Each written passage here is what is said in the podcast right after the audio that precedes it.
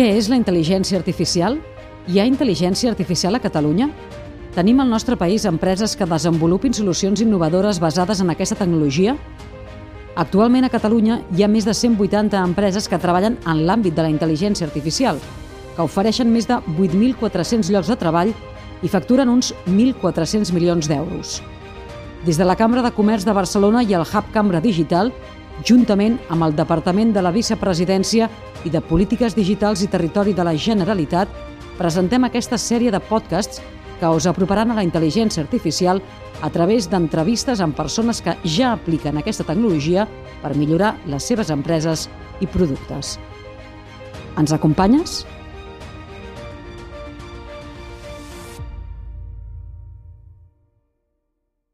Plataformes de streaming, televisió a la carta, com saben què ens agrada i què no?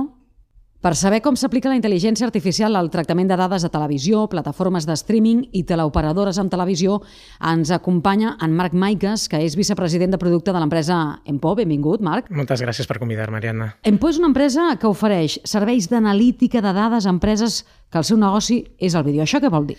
Bueno, tot això que, que, que tal com has dit, sembla molt complicat, mm -hmm. bàsicament és tan senzill com normalment nosaltres com a, com a usuaris o com a persones humanes el que fem és mirar la televisió eh, per la TDT principalment, o sigui, mirem TV3 o escoltem Catalunya Ràdio o Telecinco o mirem continguts a través de plataformes d'operadores de, de telecomunicacions com un Telefònica eh, o, un, uh, un Vodafone. Nosaltres el que, el que fem és mesurar tot el que passa no a la tele, a la tele tradicional, sinó el que passa quan entrem en el domini d'internet. És a dir, quan mirem continguts a través del telèfon mòbil o a través de televisions connectades, a través de la pròpia aplicació o el que, dem, el que comentàvem del botó vermell, que tu li dones el botó vermell i aleshores et surt tota una aplicació, nosaltres som capaços d'introduir una petita peça de software que el que fa és mesurar o analitzar tot el que nosaltres estem consumint, des del punt de vista de l'audiència, així com també de la qualitat que tu estàs veient. És a dir, si jo tinc com a usuari estic tenint problemes per veure els matins de TV3, per exemple, doncs els, els encarregats tècnics de TV3 sabran que hi ha, un, hi ha un problema, fins i tot podran detectar on es troba aquest problema i posar eh, remei per, perquè això no passi i llavors jo pugui seguir veient els continguts eh, correctament. Com els presenteu aquestes, aquestes dades?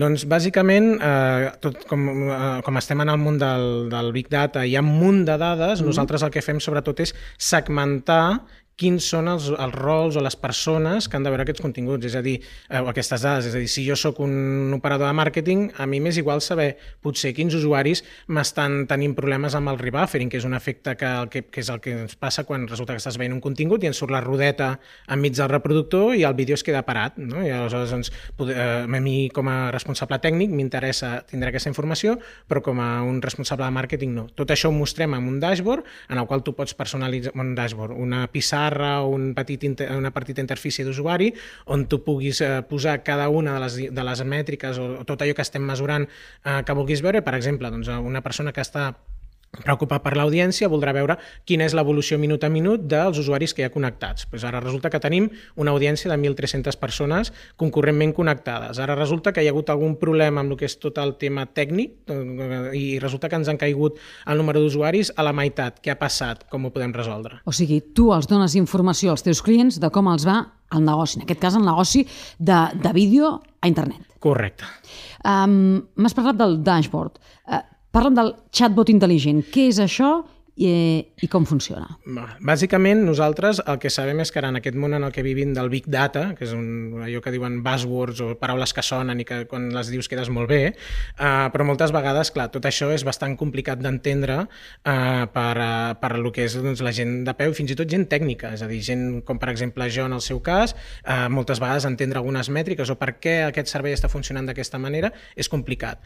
Com a objectiu, nosaltres a Empo tenim la, uh, tenim la necessitat o creiem que és important democratitzar aquest accés a les dades. I democratitzar per nosaltres el que vol dir és fer que siguin entenedores pel major número de gent possible i com que moltes vegades analitzar o trobar patrons o analitzar les dades o saber què és el que vols si no tens un coneixement tècnic de ara faig, entro en aquesta aplicació web, eh, ara selecciono aquesta mètrica que és la que vull veure, ara resulta que poso un dibuixet aquí o un gràfic específic i de més, em pot semblar molt complex, eh, doncs nosaltres el que fem és dir, mira, amb aquest chatbot tu pregunta-li què és el que vols saber. Fes-li preguntes mundanes. Preguntes, en aquest assistent, eh? En aquest assistent. És com un assistent que el que, et diu, que tu li pots dir és com ha anat el meu servei? Ahir, que, ahir vaig tenir un partit del Barça i Això com li tecleges o li dius? Li pots teclejar i li pots dir. La uh -huh. gràcia és que tu tens l'opció de fer-ho bé a través del mòbil parlant al micròfon o bé a través de la web i tu li, coment, li fas preguntes i el sistema és un sistema que funciona amb intel·ligència artificial que el que fa és analitzar totes les preguntes que ens han fet els usuaris i aleshores a partir d'aquí et dona la millor resposta. Tot això que ens has explicat, sense intel·ligència artificial seria possible? Seria possible, però requeriria molta estona d'una persona, una, un, el que es diu un analista de dades o un, data sci un científic de dades, un data scientist, analitzant i buscant patrons, buscant molts números, fent molts d'Excels, molta feina. Molta estona vols dir molts dies. Molts dies i, i bueno, dies, a veure, depèn d'aquí, depèn, de, depèn hi ha, gent, hi ha gent, gent que controla més el tema del codi, uh, ho pot fer amb hores, gent que no en controla tant, és a dir, si jo sóc un responsable de màrqueting i vull entendre millor el meu servei, si he de correlar o, o relacionar dades de diverses fonts o les he d'agregar en un únic punt i he de muntar una pissarra o un, un interface on pugui veure només amb una foto els com resultats. els resultats, doncs pot portar molt de temps perquè jo potser no sé el que és significatiu i el que no. El chatbot el que s'encarrega és a dir, jo conec totes les dades, sóc un ordinador que coneix tota la informació. Pregunta'm què és el que vols saber, si vols veure el número de visualitzacions, si vols saber si hi ha hagut algun problema amb la, amb la retransmissió, i jo t'ho explico. T'ho explico i t'ho pinto perquè tu ho entenguis i ho puguis explicar doncs, al teu cap o a l'equip perquè sàpiga el que hem de fer. Ara et demano que, més enllà del barret de tècnic, et posis el d'empresari Uh -huh. i eh, em responguis quin retorn o beneficis destaques de l'aplicació de la intel·ligència artificial en el, en el vostre sistema, en el sistema d'Empo.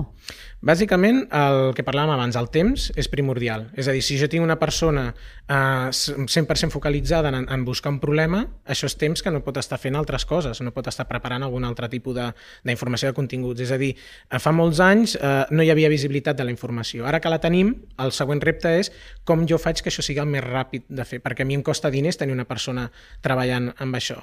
Una altra manera de, de rentabilitzar és analitzar o predir el futur. És a dir, una de les coses màgiques que es parla de la, en la ciència de dades és que a partir de tot el, el que jo he vist en el passat pugui saber què pot passar en el futur. O sigui, tu saps quin és el programa de televisió que triomfarà Podríem saber-ho, podríem saber-ho, podríem saber-ho. És a dir, si jo, per exemple, tinc tota l'audiència de, de... Ara jo Crims perquè estic enganxat a Crims, però clar, Crims segur que serà un èxit, no és massa difícil predir-ho, però si jo et puc dir, no, mira, és que tinc un tipus de, de programes que eh, ens porten molta audiència. Per exemple, si faig un reality, eh, com ha anat l'audiència de realities en el passat? Com pot millorar? A partir de tota la informació, la, meta, la metadada que es diu, que és bàsicament tot el, eh, tot el contingut o text descriptiu d'aquest programa, o què és el que passa en aquest programa, a més, nosaltres ho podem correlacionar tot amb, la, amb el que és l'audiència en aquest cas i a partir d'aquí dir, ostres, doncs si fas un programa amb aquesta línia en el passat t'ha anat molt bé, amb una probabilitat d'un 90% ho pots patar, ho pots fer molt bé. Doncs així és com les plataformes de streaming, la televisió a la carta, sap o no què ens agrada. Gràcies a l'anàlisi, en definitiva, d'empreses com eh, Empo. Ens ha acompanyat en Marc Maiques. Moltes gràcies. A vosaltres. Que vagi bé. Moltes gràcies. Podràs trobar tots els capítols de la sèrie d'intel·ligència artificial a la web cambradigital.cat i també els pots escoltar al canal de YouTube i al perfil de l'Spotify de la Cambra de Comerç de Barcelona.